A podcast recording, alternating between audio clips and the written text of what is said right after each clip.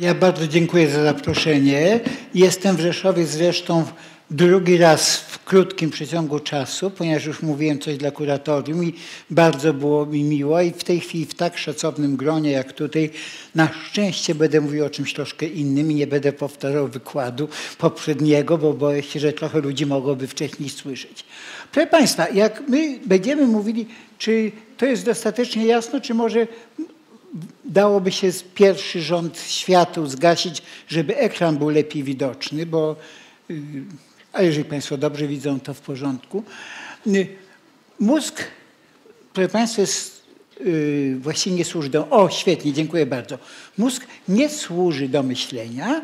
Mózg jest organem przeżycia i jeden z najwybitniejszych biologów, yy, Edward Wilson, on właśnie powiedział, że yy, ten mózg mm, wytworzył się bardzo dawno, ponad pół miliarda lat temu najprymitywniejszych zwierząt właśnie po to, ażeby przeżywać. Oczywiście u człowieka i u ssaków, ten w ogóle u kręgowców mózg się zrobił większy i zaczął tak samo myśleć, ponieważ myślenie ma y, y, konkretne, przynosi konkretne korzyści biologiczne. W każdym ta strategia y, przeżycia, prawda, tutaj mózgu, to chodzi, a dlaczego jest potrzebne przeżycie? Do reprodukcji, dlatego, bo jedynym takim biologicznym celem każdej istoty jest to, ażeby unieśmiertelnić własne geny. My nie damy rady unieśmiertelnić własnych genów, bo sami jesteśmy takimi niezbyt doskonałymi nośnikami tych genów, bo umieramy. Wobec tego jedyna szansa, żeby nasze geny były nieśmiertelne, przekazujemy je w następne pokolenia. I właściwie to wszystko od, od bakterii poprzez rośliny czy grzyby do, do zwierząt, to jest właśnie ważną historią. Chodzi o to, że ten nasz mózg, on tak robi, żebyśmy mogli się adaptować do zmiennej rzeczywistości. My żyjemy w warunkach y, takich, że otaczający nas świat się zmienia i jest silnie konkurencyjny w stosunku do nas. My musimy się zmieniać, dlatego nasz mózg musi mieć cechę, którą nazywamy plastycznością. Tą plastycznością zaczęto się zajmować psycholodzy już w końcu XIX wieku i William James właśnie powiedział, że plastyczność to jest zdolność ludzkiego mózgu do zmian zachowania. Jak jest zachowanie jest plastyczne. Tak się zachowujemy. W jednej sytuacji, tak w drugiej. Natomiast współcześnie powiem, że ta plastyczność to to jest zdolność do tego, że my potrafimy modyfikować nasze połączenia nerwowe w taki sposób, prawda, żeby one działały y, w specjalny sposób, a te połączenia się modyfikują w wyniku tego, że działają różne bodźce, prawda? I te osiągnięcia, prawda, nasze jako mózgu ludzkiego są z wysoką plastycznością. I im bardziej budowa mózgu jest skomplikowana, tym mózg musi być bardziej plastyczny. Oczywiście to skomplikowanie daje pewne korzyści, daje pewne rzeczy niekorzystne, bo wtedy uszkodzenia skomplikowanej maszyny łatwiej następują i powodują bardziej dramatyczne sprawy. Trudno jest uszkodzić cep, prawda? Stosunkowo łatwo jest już jakąś taką młódzkarkę, no ale to jest inna sprawa. Ta plastyczność polega na tym, że my sobie wytwarzamy pewne uprzywilejowane obwody nerwowe i tam krążą pewne sygnały, bez zbędnych, y, jakiegoś bezbędnego rozpraszania potrafimy y, właściwe części mózgu uruchamiać, prawda? Mówimy, wybieramy do tego celu pewne neurony, zwiększamy liczbę połączeń między tymi uwalnianymi, prawda? Zwiększamy liczbę uwalnianych neuroprzekaźników z tych przekazów. I w ogóle, jeżeli się tak przypatrzymy, to te zmiany plastyczne w mózgu, my je możemy oglądać zarówno patrząc na anatomię, mamy pewne zmiany anatomiczne, pojawiają się nowe neurony, y, pojawiają się większe mm, y, wypustki i tak dalej, prawda? I y, powstają prawda, nowe połączenia, a mamy taką zmianę czynnościowe i to jest właśnie z jednej strony, że mamy zmianę powierzchni recepcji pewnych części w mózgu, ale tak samo, co jest bardzo ważne, w ogóle zjawiskiem takim podstawą dla plastyczności zjawisko uczenia się. I to jest dość ważne, jeżeli właśnie mówimy o mózgu nastolatka, jeżeli mówimy, bo to jest ten okres czasu, w którym mamy może jak najwięcej uczenia. Uczenie się jest efektem plastyczności mózgu. Ta, to jeszcze warto jest powiedzieć, że musi być pewien balans między plastycznością a elastycznością, bo to jest coś takiego, prawda? jak mamy plastyczność, no mam na przykład kawałek plasteliny, to wsadzimy w nią palec, to tam ta dziura zostanie na stałe. No, to nie byłoby dobre. Musi być naturalna elastyczność, która powoduje, że to wciśnięcie, ten otwór potem się zmniejsza. I my właśnie przez cały czas mamy taką równowagę pomiędzy tym, jak świat się zmienia, a my odpowiada, i świat zmienia nasz mózg, a nasz mózg się zmienia w taki sposób, żeby nie było trwałych zmian, tylko żeby te zmiany właśnie były takie przejściowe. I teraz ta plastyczność możemy tę plastyczność możemy rozpatrywać w bardzo różny sposób.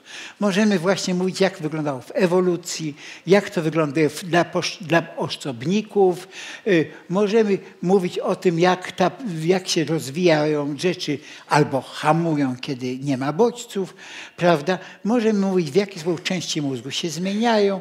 Możemy tak samo powiedzieć zresztą o tym, jak, czy i gdzie tworzą się nowe, nowe neurony w mózgu. Jeżeli chodzi o płaszczyznę ewolucyjną, bo my oczywiście jesteśmy końcowym produktem, znaczy niekońcowym, jesteśmy ciągle poddanym ewolucji, ale produktem, produktem tej ewolucji i tę ewolucję my widzimy, mózg, prawda, kręgowców, to była też bardzo ciekawa rzecz, bo tylko kręgowce mają duże mózgi. Wszystkie inne zwierzęta bezkręgowe, typu owadów, y, y, mięczaków, i skorupiaków, one mają płazińców, one mają mózgi małe. U nas tak się szczęśliwie złożyło, że jakieś właśnie pół miliarda lat temu nagle powstały pewne specjalne pewna zmiana genetyczna i zwierzęta, które uległy tej zmianie genetycznej, taki protolancetnik zaczął rozwijać mózg wielki. Także mózgi, mózgi kręgowców są mózgami już powyżej, powyżej kilku milionów neuronów. Mózg ludzki y, doszedł do 86 miliardów neuronów. Niektóre mózgi są większe, na przykład mózgi słonia, czy mózgi, czy mózgi niektórych waleni.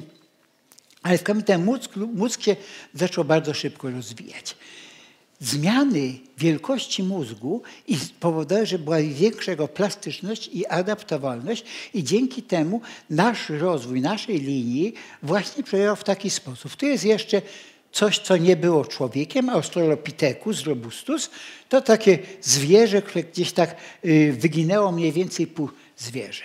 Hmm, kuzyn daleki, y, wyginął mniej więcej półtora, półtora miliona lat temu, miał mózg troszkę niewiele większy niż, objętość niewiele większa niż pół litra, prawda? Właściwie nic o nim nie wiemy. Był na pewno bardzo inteligentną, bardzo inteligentną małpą. Ale kiedy poszedł dalszy wzrost, prawda, to nagle pojawił się pierwszy homo, homo habilis, człowiek zręczny. Jego mózg wynosił już 800 ml i on zaczął produkować narzędzia. Pierwsze narzędzia, które były, jakieś takie noże, jakieś takie kamienne narzędzia, do czego one służyły? One służyły do tego, żeby lepiej przygotowywać żywność. Te pierwsze noże służyły do zabienia, do oskrobywania kości czy takiego. Było to niesłychanie ważne dla mózgu, dlatego, bo mózg jest y, organem, który ma bardzo wielkie wymagania energetyczne, mniej więcej 6 kilokalorii na miliard neuronów i w związku z tym, ażeby się mózg dobrze rozwijał, coraz bardziej należało udoskonalać możliwości zdobywania pokarmu. Małpy, które żywią się głównie niskoenergetycznym pokarmem roślinnym, wegetarianki, prawda, no to one nie rozwijają sobie mózgu tak, tak dobrze. Prawda? Tutaj powstał ten skok. I dalszy olbrzymi skok naprzód to był człowiek zręczny, człowiek wyprostowany, Homo erectus. Jego mózg dochodzi już do ponad 1200 ml. To jest mózg tej wielkości, jaki jest przeciętny mózg współczesnej kobiety, a więc wiadomo, fantastyczny, fantastyczny organ, prawda? Ten uśmiech że nie, nie lekceważy umysłu, mózgu kobiety, bo kto lekceważy mózg kobiety, to fatalnie kończy zwykle. Także, także to jest na pewno. Ale co tutaj wymyślono? No właśnie coś może typowo kobiecą, kuchnię, czyli ogień, prawda? Umiejętność, znaczy nie wymyślono ogień, bo ogień był, ale umiejętność kontrola ognia. I to zrobiło potworną różnicę w porównaniu z przedtem. Mianowicie właśnie jeżeli chodzi o żywność. Teraz z jednej strony technologia robienia naczyń, w którym można było żywność przygotowywać, wkładając wypalane gardki i tak dalej, potem dalej. Z drugiej strony gotowanie pokarmu, czyli prawda, obróbka termiczna pokarmu, gdzie pokarm stał się znacznie bardziej przyswajalny. I stąd właśnie ten skok, skok wzrostu mózgu. Teraz, jeżeli chodzi o wielkość mózgu, mózg się dalej rozwijał i następca y, Neandertalczyka. Jezus Maria, to chyba nie ja, ale ja od razu muszę zrobić coś takiego. to mi przypomniało. I y, po prostu y, Neandertalczyk. Jego mózg był większy od mózgu współczesnego człowieka, 1600 ml. Był bardzo silny, doskonale przystosowany i chyba miał już jakieś poczucie transcendencji, dlatego bo mamy groby. Tam Neandertalczycy już byli rytualnie grzebani, a więc miał jakieś początki religii. To był nasz kuzyn. My Powstaliśmy trochę później. Około 100 tysięcy lat żyliśmy równolegle do Neandertalczyków i właściwie głównie to oni na nas polowali, bo myśmy byli bardzo dobrym mięsem właśnie dla Neandertalczyków. To były typowo zwierzęta właśnie mięsożerne. Coś stało się 40 tysięcy lat temu. 40 e, tysięcy lat temu my z naszym mniejszym mózgiem nagle Nagle zrobiliśmy rzecz, której Neandertalczyk nie robił. Zaczęliśmy produkować sztukę. Pojawiło się malarstwo jaskiniowe. A tak naprawdę mi się wydaje, że sztuka zaczęła się troszeczkę wcześniej, bo widzimy w grobach tych pierwszych ludzi, takich jak 40 tysięcy lat temu, pojawiają się, że szkielety kobiece są nich jeszcze biżuteria jest y, naszyjniki, bransolety. Ta, powstał zmysł estetyczny. I ta sztuka doprowadziła do tego, że ten mózg jeszcze bardziej ruszył do przodu. Nie ma tutaj czasu o tym mówić, chociaż oczywiście wspomnę też przy sztuka uczłowiczyła człowieka. A jak wygląda teraz to, co jest dla nas ważne, plastyczność ontogenetyczna, czyli dla poszczególnej osoby, prawda? Proszę zobaczyć. Rodzimy się, przychodzimy na świat z mózgiem bardzo dużym, 400 ml, więc no prawie tyle tego australopiteka, prawda? I w przeciągu pierwszego roku życia ten mózg nam już dochodzi do kilograma czy prawie. Więc to jest ten najszybszy okres formowania naszego mózgu. Ale potem ten mózg stale jeszcze rośnie, prawda, żeby dojść do tych właśnie 1200-1400 ml, prawda? Trochę większy jest mózg męski niż mózg żeński. Y, troszkę inaczej są zbudowane, ale proszę zobaczyć, poszczególne części mózgu zaczynają się rozwijać i teraz im bardziej niebieski kolor, tym jest większy rozwój. Ponieważ, że przede wszystkim rozwijają się części kory, zwłaszcza kory przedczołowej. I to kora przedczołowa to jest ten, ta okolica mózgu, w której następuje, że tak powiem, y, wyższe czynności psychiczne. Umiejętność rozumowania, umiejętność abstrakcji związane z pamięcią i tak dalej. Przy czym kora rozwija się nierównomiernie. Już małe dziecko, tu mamy okres urodzenia.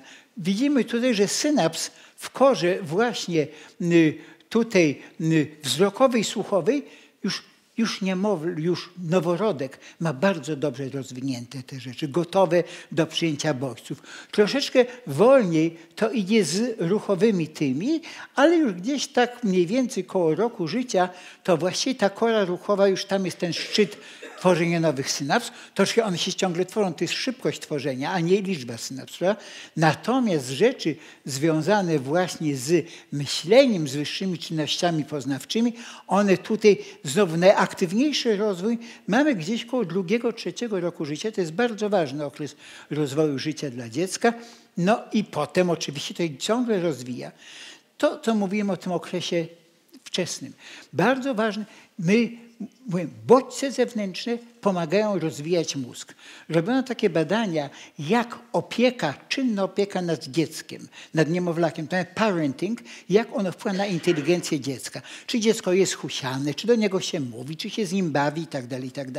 Można zrobić taką ilość punktów, ile tego parenting, ile tego matkowania dziecku robiono. I okazało się, że istnieje zależność bo taka bardzo istotna, mianowicie im więcej mamy, im więcej mamy, prawda, tych zainteresowaniem, zainteresowaniem dzieckiem, tym wyższa potem w wieku lat trzech będzie inteligencja dziecka. Czyli znowu najlepszą rzeczą, którą rodzice powinni robić, to bardzo silnie oddziaływać z niemowlakiem, ciągle jakieś różne rzeczy, bo to kształtuje rozwój mózgu. Mózg jest plastyczny, on reaguje zmianami na nowe bodźce, a więc jak najwięcej z dzieckiem trzeba, trzeba y, przebywać. Dobrze. I potem to jest ten okres takiej burzliwej neurogenezy w mózgu. Ta, tworzą się nowe neurony, no bo mózg rośnie. I potem następuje bardzo ciekawa historia, mianowicie tych neuronów w mózgu zaczyna być za wiele. One zaczynają ze sobą rywalizować. Jedne wypychają drugie. Zaczyna się coś, co nazywamy określeniem darwinizmu neuronalnego. Neurony muszą, żeby żyć, muszą pracować, bo neurony są połączone z innymi neuronami. Jak zaczyna się praca, to w tym momencie one zdobywają neurotrofiny, y, substancje zwiększające rozwój nerwów. W mózgu nie ma zasiłku dla bezrobotnych. Jak, jak neuron nie pracuje, to ginie. I, i tu jest, i ten, i wobec tego ważne neurony zostają, te, które pracują. I Dlatego też zresztą ogólnie mówiąc pewne charakterystyki dziecka znikają w wieku adolescencji. Na przykład każdy młody rodzic wie, że jak się ze 4, 5, 6-letnie dziecko zająć czymś tam, jak jest papier, kredki i dziecko sobie maluje, rysuje. Dzieci mają bardzo wielkie wrodzone zdolności plastyczne.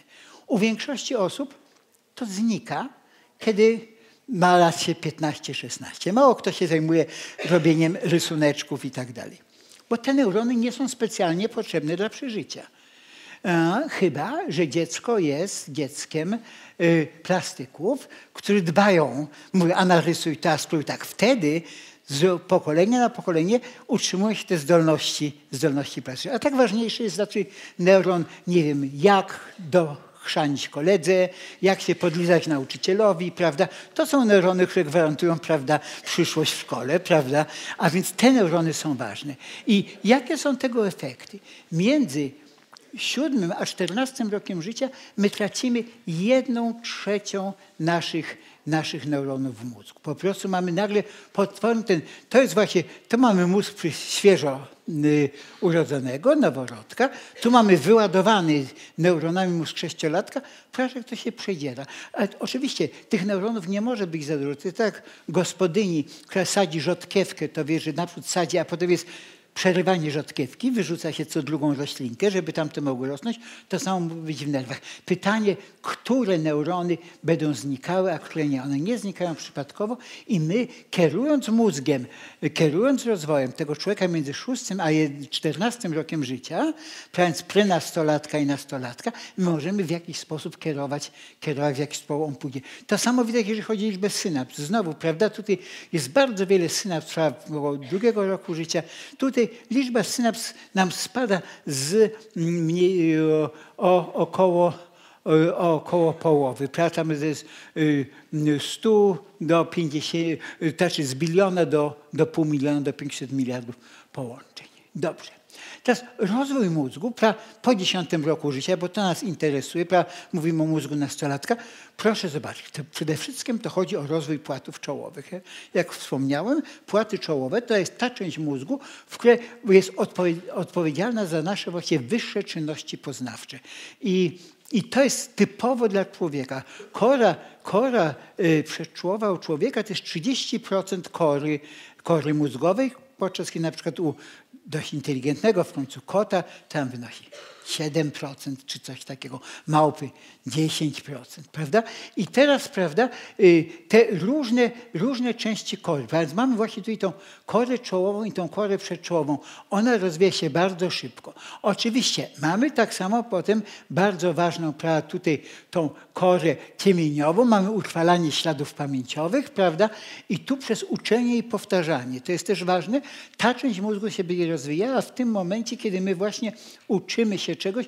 Powtarzanie jest bardzo istotną historią. Wiemy właśnie, repetycja jest mater studiorum. Powtarzanie się jest podstawą studium. Mamy tutaj inne części mózgu, prawda? Y, formacja hipokampa, ona jest odpowiedzialna za konsolidację pamięci. Wszystkie ślady które przychodzą z zewnątrz, wszystkie bodźce mózgu, ślady pamięciowe tworzą się w, w formacji hipokampa, potem mogą być, że tak powiem, lokowane w innych częściach mózgu. I teraz proszę zobaczyć, jak tak patrzymy sobie, co tutaj z tymi, z tymi płatami, to widzimy, że 13 do 15 rok życia, prawda, następuje właśnie wyraźne powiększenie się właśnie tych połączeń i ruchowych, i percepcji i tak dalej. Następują tak samo bardzo istotne zmiany hormonalne w przysadce związane z okresem pokwitania, a hormony mózgu bardzo, yy, hormony płciowe bardzo wyraźnie wpływają na rozwój mózgu. A więc to jest ten taki dość, dość intensywny, intensywny właśnie okres. Po czym u siedemnastolatka, więc jesteśmy w okresie maturalnym prawie, że, prawda? Też nie miałem matury, jak miałem 16. To, to prawie jest taki jakby drugi rzut rozwoju, prawda, tych płatów czołowych. To jest bardzo ważne i to tak do 25 roku życia mniej więcej trwa ta budowa płatów czołowych. Dlatego że my to wiemy jak gdyby z naszej praktyki społecznej, że są pewne zawody, do których my nie dopuszczamy, czy pozycje społeczne, do których my nie dopuszczamy ludzi zbyt młodych, bo jeszcze nie ma kory, prawda? Mówimy pełnoletność, 18 lat, na tyle, żebyś mógł wybierać. A żebyś mógł być wybrany, na to jest twoje 21 lat, prawda? A żeby pełnić pewne funkcje, to już musisz mieć lat 25. A żeby zostać sędzią, musisz mieć lat 30. To nie jest takie głupie. To wynika po prostu z tego, że dopiero wtedy jest ustabilizowany człowiek.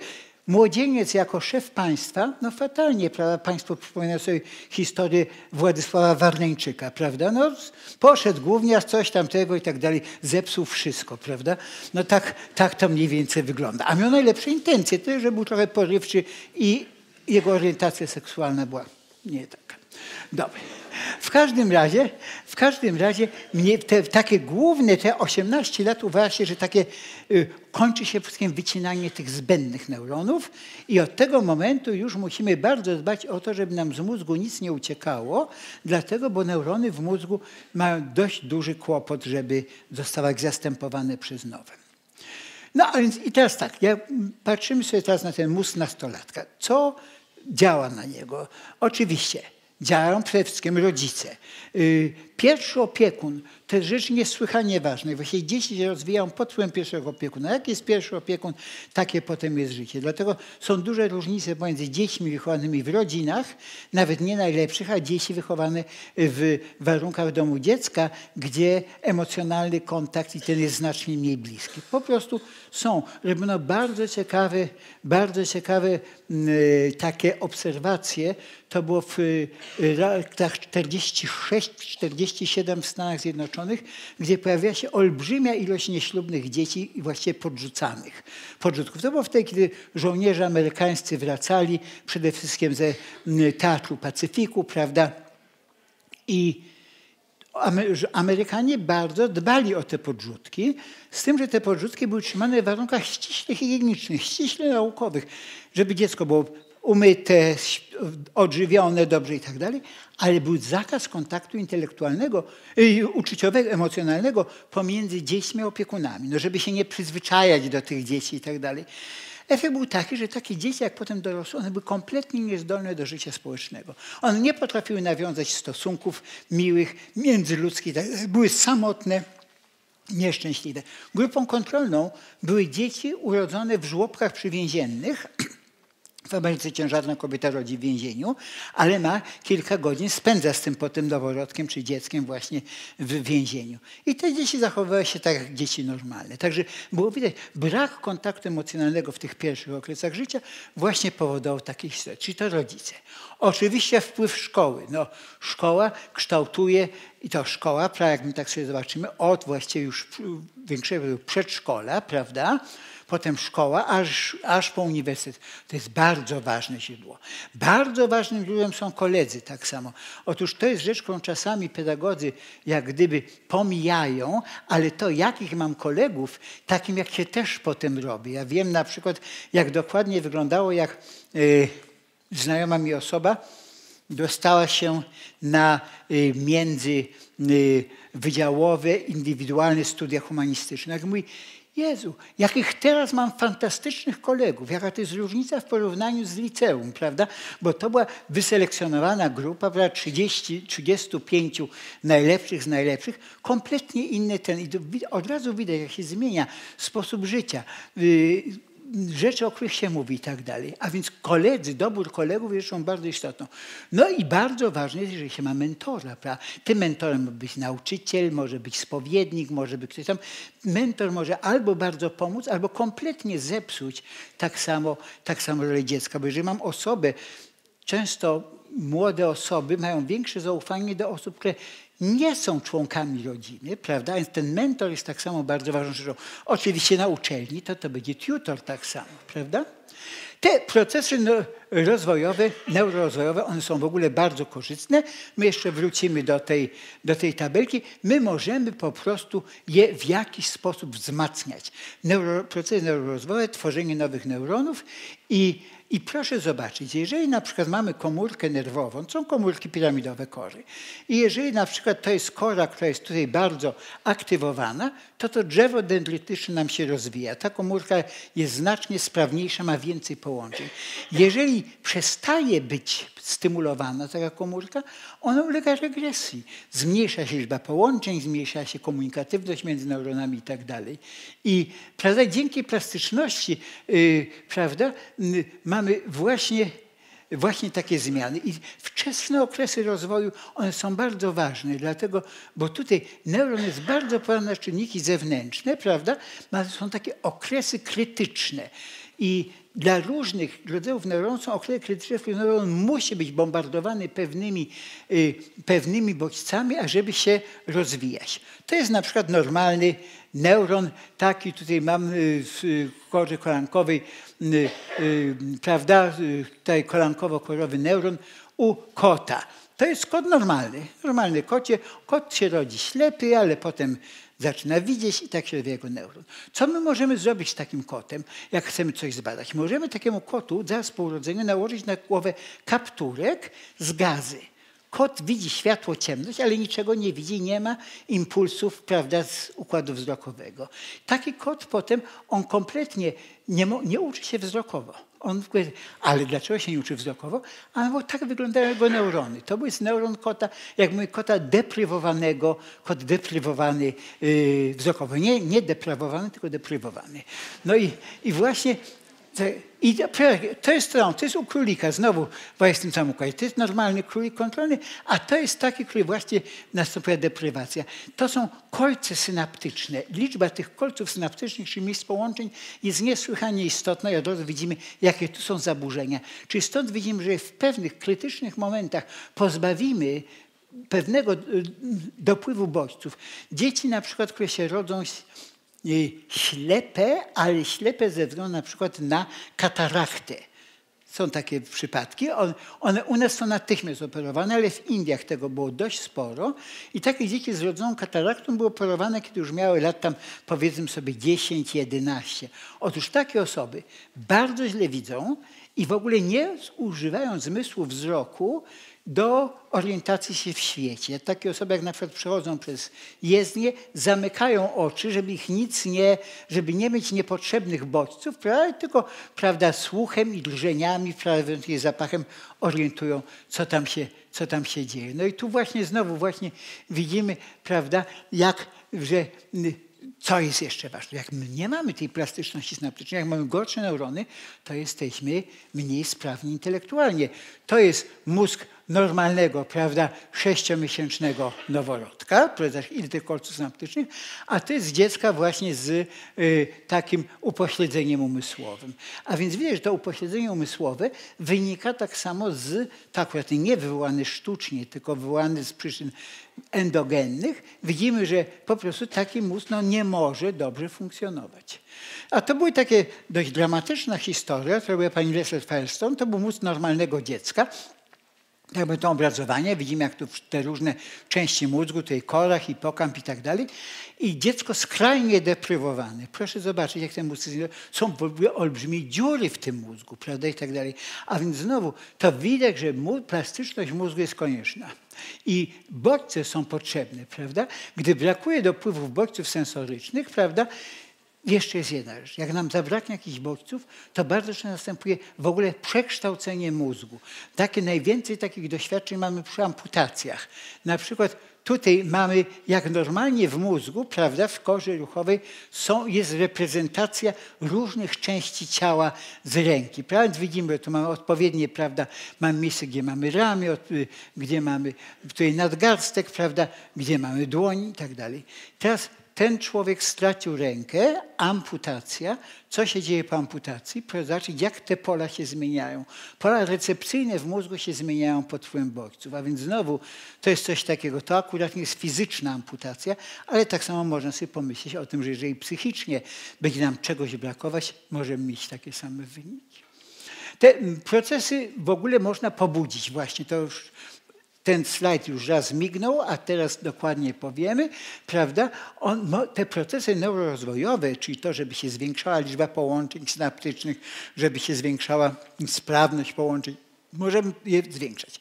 Po pierwsze, jeżeli my bombardujemy yy, prawda, nowymi wrażeniami mózg, prawda, ale to muszą być takie wrażenia, które powodują, że my na to czynnie odpowiadamy. Mówimy, że jesteśmy we wzbogaconym środowisku.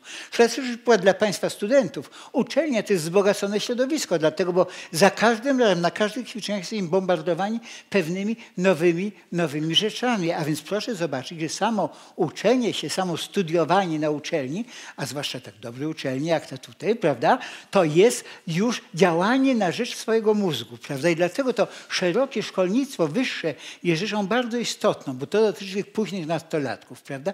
A więc to jest ważne. Ale, proszę Państwa, my mówimy jeszcze kończyło, wysiłek fizyczny jest rzeczą bardzo ważną dla rozwoju mózgu. To stare powiedzenie w zdrowym ciele zdrowy duch nie jest wcale takie głupie.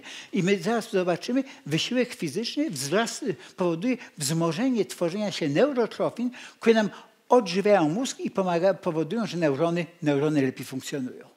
Restrykcje kaloryczne, przykro powiedzieć, ale jeżeli jemy z umiarem, to nasz mózg funkcjonuje lepiej. A głodówki bardzo dobrze zwiększają aktywność mózgu i też my wiemy dlaczego. My wiemy, że gen, który jest odpowiedzialny za długowieczność i aktywację mózgu, on fantastycznie działa, jeżeli jest odpowiednio właśnie tam pobudzany przez y, nukleotyd adeninoflawinowy, a ten normalnie ten nukleotyd jest wykorzystywany w całości w procesach glikolizy. Natomiast jeżeli jesteśmy głodni, glukoza nam się nie zmienia w energię, bo nie ma glukozy, no to zostają wolne moce tego NAD, który zaczyna działać, zaczyna działać na ten nerw, prawda? I teraz to właśnie, właśnie mamy, jak wygląda, tak, to jest schemat nerw we wzbogaconym środowisku i komórka nerwowa w zubożonym. A tak rzeczy wyglądają naprawdę teraz. Prawo to jest schemat, prawo widzimy wyraźnie, że w tym zubożonym zmniejsza się liczba kolców synaptycznych, liczba tych połączeń. To są chciałem może powiedzieć, my większość, ja jestem biologiem eksperymentalnym i, i większość doświadczeń robi się na zwierzętach laboratoryjnych. To zwierzęta laboratoryjne żyją zwykle w środowisku niesłychanie zubożonym. Siedzi takie w klatce, nie musi się starać o jedzenie, nie musi tego, no po prostu nic nie ma do roboty. Podejrzewam, że nudzi się śmiertelnie. No i, i tak, tam, tak wygląda jest taka klatka myszy. Plastikowa klatka, ściółka, tam trzy, cztery myszy, wszystkie jednej płci jeszcze, żeby było, prawda, tego, a więc to też nie... Tak. Natomiast tu mamy, tu mamy rzecz, środowisko wzbogacone. Ach, tu są przedmioty, te przedmioty się jeszcze zmienia, możemy eksplorować, co robić nowego. To i tak jest pół biedy w porównaniu z tym, y, też y, w porównaniu z tym, co jest w świecie naturalnym, gdzie naprawdę trzeba już tutaj ten ten mózg robić. To jest taki właśnie domek, domek szczurzy, prawda? I ten szczur ma mnóstwo różnych możliwości działania i tak dalej. Tu, tu taki szczur siedzi, prawda, a tu jest ten szczur w środowisku wzbogaconym. Te szczury są po prostu znacznie głupsze, znacznie gorzej reagują. Ja tu miałem doświad własne doświadczenie, dlatego bo jak taki porządny uczony, jak chcia, jakim chciałem być, to no właśnie jak pracowałem na szczurach, to sobie wziąłem szczura do domu jako zwierzę domowe, To był szczur wolno chodzący po domu, biały, uroczy, wszyscy go kochali. Ale różnica pomiędzy zachowaniem tego szczura, a szczura w klatce, a szczur został wzięty do domu zaraz po odstawieniu od matki, prawda, była kapitalna, bo to było naprawdę miłe, inteligentne zwierzę, towarzysz, towarzysz domu. Myśmy bardzo, bardzo ją opłakiwali, bo to była samiczka. Jakby ktoś z Państwa chciał mieć małe, tanie, a miłe zwierzę domowe, polecam białego szczura radzę samice, dlatego, bo samiczki dorastają tylko do 400 gramów, a więc nie są takie za duże. Ale to jest cudowny człowiek przychodzi do domu, szczur wchodzi po nodze, tu stara na ręce, na, siedzi, siada na ręce, upuszcza dwie, trzy kropelki moczu. To jest taki dowód sympatii. Ale przepraszam, my się nie śmiejmy, bo wśród ssaków wymiana wydzielin jest dowodem zaufania i bliskości. Tylko, że my ludzie zwykle co wymieniamy? Ślinę, prawda? A, a więc jedni z góry, drudzy z dołu, prawda? Ale, ale co, fantasy. Także takie, takie zwierzęta, takie szczury, naprawdę y, mnóstwo różnych zabaw, trików i tak dalej. To były pierwsze takie badania, w których zrobiono właśnie, że jak te zwierzęta, które miały taki wzbogacony dom, y, domek, jak im tutaj, prawda, wzrastało w porównaniu z zwierzętami hodowanymi normalnie liczba kolców synaptycznych.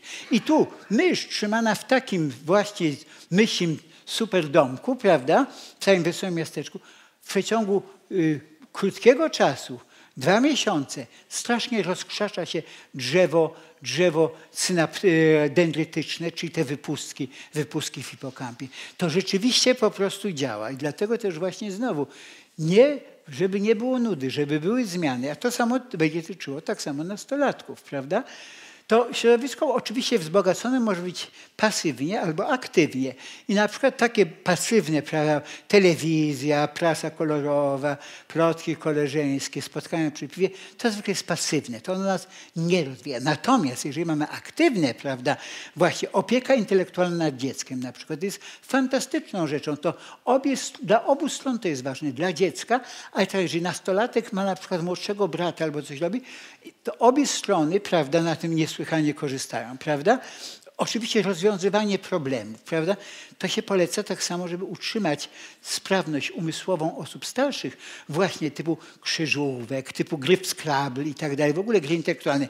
Bridge, o którym kiedyś mm, pani profesor Dąbska, to profesor Woleński na pewno zna to nazwisko, Izydora, tak, ona była bardzo, tego, ona mi kiedyś dała bardzo ważną radę, dlatego, bo mój ojciec zrobił takie mm, czasami bridge na trzy, cztery stoliki i tam właśnie pani Dąbska grała zwykle zresztą z profesorem Tatarkiewiczem, z którym grać mogli tylko przyjaciele, bo Tatarkiewicz miał straszne tiki, prawda? ale powiem mi na przykład, to, to trzy piki, no to każdy myślał, że to już jest jakaś dodatkowa sygnalizacja. Ona mi kiedyś, jak tam stałem i kibicowałem, powiedziała, Młody człowieku, jak to było dawno temu, młody człowieku, pamiętaj, że gra w bliżej jest znacznie bardziej interesująca niż na to zasługuje. Coś w tym było, ale to ćwiczy mózg, naprawdę, bo to jest właśnie to zajęcie intelektualne. Pani profesor była filozofem, a nie neurobiologiem, prawda? Także moi widziała, prawda? A więc, a więc to jest bardzo aktywne, prawda? Praca twórcza oczywiście, to jest coś, co właśnie, dlaczego właśnie to jest, no studenci, uczenie się, to wszystko jest to środowisko, prawda? I widzimy, jak tu mamy przed uczeniem taki neuron, prawda? po uczeniu, to jedno z doświadczeń, narastają te kolce synaptyczne, prawda? Szczytem możliwości jest neurogeneza, czyli tworzenie się nowych neuronów. Otóż za dawnych czasów to w ogóle mówiono, że człowiek że neurony się nie tworzą. Bo neurony, komórki nerwowe są komórkami już postmitotycznymi i neuron się nigdy sam nie podzieli. On się nie rozmnaża przez podział. I za mojej młodości temu uczono, słuchaj, jak się rodzisz, dostajesz talię kart i możesz nimi grać, ale możesz tylko je tracić albo zachować. Stracony neuron, koniec, dziura w mózgu. Tak się mniej więcej wydawało, że nie mogą istnieć. Ale odkryto potem, ku zdziwieniu, że w pewnych częściach mózgu mogą się tworzyć nowe neurony. I co ważniejsze, jeżeli zapewnimy takie warunki, w których tworzą się nowe neurony, to ma to bardzo dobre konsekwencje dla rozwoju intelektualnego, umiejętności rozwiązywania zagadnień, no, szczury uczymy jak labirynt rozwiązywać, czy coś takiego. I to właściwie te doświadczenia, one wyszły z doświadczeniami na ptakach. Mianowicie okazało się, że ptaki śpiewające, ptaki śpiewające uczą się pieśni godowych. I one i w tym okresie samczyki nagle zaczyna im przyrastać pewna część mózgu, która odpowiada ludzkiemu hipokampowi. To jest takie tam hipostriatum. I okazuje się, że nagle ta część mózgu rośnie. Ptak, jak my słuchamy tej melodii, jak nagrywamy, ptak coraz bardziej doskonali swoją piosenkę, tak długo, aż wreszcie znajdzie, samiczka przyjdzie do gniazda, prawda, zakłada się szczęśliwe stado rodzinne, facet już się nie musi męczyć i przestaje śpiewać, prawda? Co mu się wtedy dzieje? Maleje mu ten hipokamp, prawda? Do następnego roku, kiedy znowu, prawda, przychodzi wiosna i ptak musi śpiewać. Ale to były te pierwsze doświadczenia, które udowodniły, że w mózgu mogą powstawać nowe neurony. I uczenie się zwiększa liczbę nowych neuronów. To było takie śmieszne doświadczenie. Za to doświadczenie dostał mm, między innymi y, y, profesor Frąckowiak, Frakowiak właściwie, bo to już jest drugie pokolenie Anglik, y, dostał nagrodę Ig Nobla, a mianowicie to było, że badano mózgi a w konkretnie hipokampy, czyli części mózgu, w których istnieje neurogeneza i część mózgu, która jest odpowiedzialna między innymi za pamięć przestrzenną, u taksówkarzy londyńskich te hipokampy są większe niż u normalnych Londyńczyków. Potem zrobiono zresztą takie doświadczenia, że porównano tych taksówkarzy z kierowcami autobusów, bo to jest ta sama warstwa społeczna. Taksówkarze mieli większe te hipokampy. W związku z tym widać wyraźnie tam się, i to im większe, im dłuższy mieli staż na taksówce. A więc ewidentnie, ewidentnie widać, że w tym naszym mózgu my możemy coś ucząc się zmienić. Właśnie neurony, one się nie dzielą, ale mogą powstawać nowe, bo w komórkach macierzystych z nich się tworzą komórki progenitorowe i z nich potem mogą powstać takie różne linie, prawda? I między innymi jest linia prac, które powstają. Jedne komórki nerwowe, oligodendrocyty, astrocyty. To jest żaden, że tak powiem, żadne specjalne mecyje, dlatego, bo one tak samo się dzielą normalnie. Ale są tak samo właśnie neurony i z nich powstają neurony i są wtedy te nowe neurony. I w naszym mózgu w mózgu zwierząt, gryzoni, mamy znacznie większą tą plastyczność, ale u człowieka w hipokampie to na pewno tworzą się nowe, nowe mamy hipokamp, nowe dendryty, może troszkę wiąże ogoniastym. W opuszce węchowej to jest ciekawe, bo u nas w nosie tam się tworzą stale nowe, dendry, nowe neurony, dlatego bo te nowe neurony ulegają szybkiemu zniszczeniu i dlatego neurony węchowe są jak gdyby takim dość dobrym e, wskaźnikiem, że może się coś dziać źle. Mianowicie w momencie, kiedy zaczynamy tracić węch, to to może być, aha, może się zacząć na przykład choroba Alzheimera, jakaś choroba neurodegeneracyjna mózgu. To jest taka dość, dość istotna rzecz i neurologa zwykle bardzo martwi to, jeżeli ktoś, pacjent straci węch. Ale widzimy, że w kilku tych miejscach w mózgu powstają te nowe komórki. One się tutaj gdzieś tak gromadzą właśnie w, na dnie komory i wędrują potem w odpowiednie miejsce to one się tworzą, tworzą. Najważniejszy moment jest taki, że takie komórki z tych komórek progenitorowych, one zaczynają mieć wypustki i, i te wypustki, o czym długo dyskutowano, ale okazuje tak, że one wchodzą w normalne sieci neuronalne. Czy one rzeczywiście zwiększają zasoby tego. I także w naszym hipokampie tworzy się jednak miliony tam wymierają i tworzą się nowe. My mamy też metody techniczne, że możemy powiedzieć, która komórka jest komórką nową, bo barwimy takim specjalnym barwnikiem na, na DNA. Rzeczywiście widzimy, że tu powstają takie komórki, jak widzimy takie komórki wybarwione na brunatno, no to wtedy właśnie mamy te nowe neurony. Ta aktywacja neurogenezy w hipokampie jest fantastyczna, bo ona wzmaga pamięć, poprawia nastrój, hamuje procesy starzenia się mózgu. Wysiłek intelektualny jest konieczny dla właśnie utrzymania tej dobrej aktywności, prawda? Ten wysiłek intelektualny, po prostu jesteśmy tak młodzi, jak młodym jest nasz mózg, i regularny wysiłek intelektualny nasila neurogenezę w hipokampie, odmładza mózg. Proszę zauważyć, że zwykle intelektualiści, profesorzy i tak dalej, jeżeli nie złapie ich jakaś choroba somatyczna, typu na przykład nowotworu, oni zwykle są długowieczni.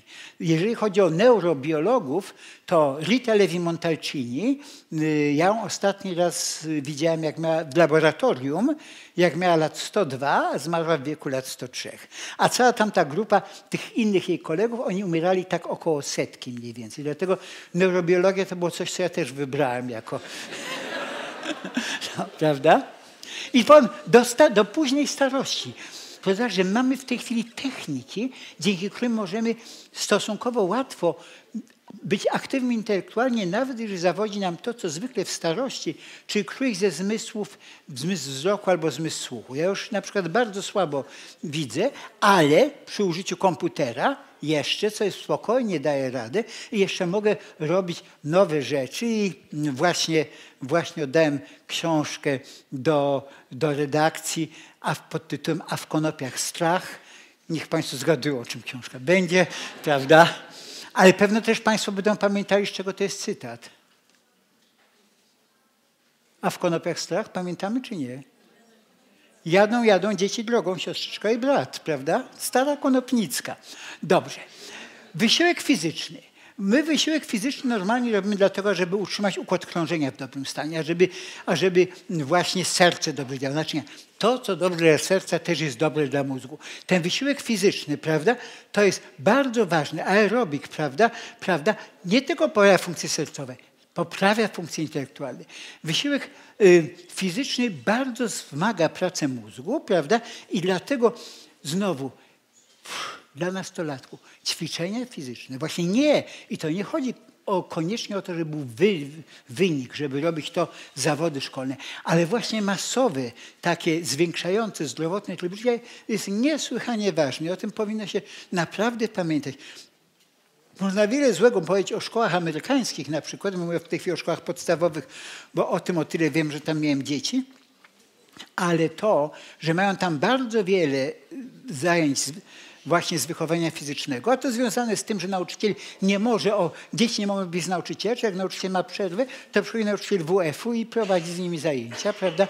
Daje mimo wszystko bardzo wyniki. I dlatego znowu nastolatka, prawda, pracującego. A od czasu do czasu poruszać się tego, a nawet jak siedzę w gabinecie, oczywiście głupy było, gdybym ja tu zaczął robić pajacyki, prawda, przy Państwu, ale czasami tak, czasami można robić. Wysiłek fizyczny jest bardzo ważny. Ja na przykład długo, długo jeszcze z moim wnukiem, jak miał 10 10-11 lat chodziłem sobie po parku, kopałem piłkę.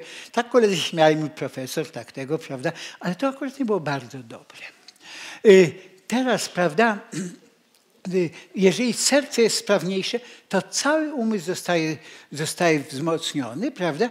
I, I to po prostu ta poprawa sprawności uzyskana, y, prawda, przez krótkie ćwiczenie, kilka, kilka godzin, y, kilka, znaczy kilkadziesiąt, dwadzieścia, trzydzieści minut dziennie. Ja wszystkim polecam właśnie takie obowiązkowe gimnastyki. A co były bardzo ciekawe badania, które mówiły, jak różnego rodzaju wysiłek fizyczny może wpływać w różny sposób. I tu chodziło o wielkość, akuratnie o y, zwiększanie się grubości powiększanie hipokampa, zwiększanie grubości hipokampa i równocześnie poprawa pamięci. To było u osób starszych, u nastolatków też. Proszę zauważyć właśnie, że ćwiczenia takie, które polegały na przykład na aerobiku, bardzo pomagały. Podczas gdy na przykład stretching niespecjalnie pomagał. No dlatego, bo jeżeli mamy jakieś ćwiczenia, najwięcej pomagają nam na przykład jogging czy coś takiego, bo wtedy jak biegamy, to się dzieją nowe rzeczy. Jak jesteśmy na siłowni, jesteśmy ciągle w tej samej, w tej samej sytuacji, prawda? Dlaczego tak się dzieje? Dlatego, że wysiłek fizyczny powoduje aktywację genów produkujących BDNF, czy taki czynnik wzrostu, czynnik wzrostu nerwów i to były doświadczenia ze szczurami. Szczury były albo w normalnych klatkach, albo w klatkach, w których miały y, w którym mogły biegać. I teraz oczywiście szczury spontanicznie lubią biegać w tym kołowrotku. I one mogą bardzo dużo nabiegać. Prawda? Tutaj były takie szczury, które pobiegały po 4 kilometry w ciągu nocy. To są zwierzęta nocne. Więc bardzo dużo. Zważę, że to ma jakieś 25 centymetrów długości. Taki, taki wiesz. I teraz to był hipokamp barwiony na BDNF takiego szczura sedentarnego, a to tego szczura aktywowanego. Prawie jak była wielka różnica w tworzeniu tej neurotrofiny, która absolutnie pomaga i poprawia nastrój i funkcje kognitywne. I widać, że u tych szczurów właśnie powstawały tutaj te nowe, te nowe komórki, prawda, które właśnie miały ten, miały ten, ten czynnik. Na tej podstawie zaproponowano coś takiego, prawda, to ten tytuł brzmi, prawda, inspirowany neurogenezą program rozwoju y, pełnego zdrowia człowieka. On był nakierowany na osoby młode, na nastolatków i na osoby w wieku średnim. I ten program właśnie zakładał, że konieczne są, y, i zaraz do niego wrócę, jakie są rzeczy, które zwiększają neurogenezę. Ale co w ogóle hamuje, co redukuje neurogenezę i o tym też nastolatki powinny pamiętać, jak i osoby starsze. Stres.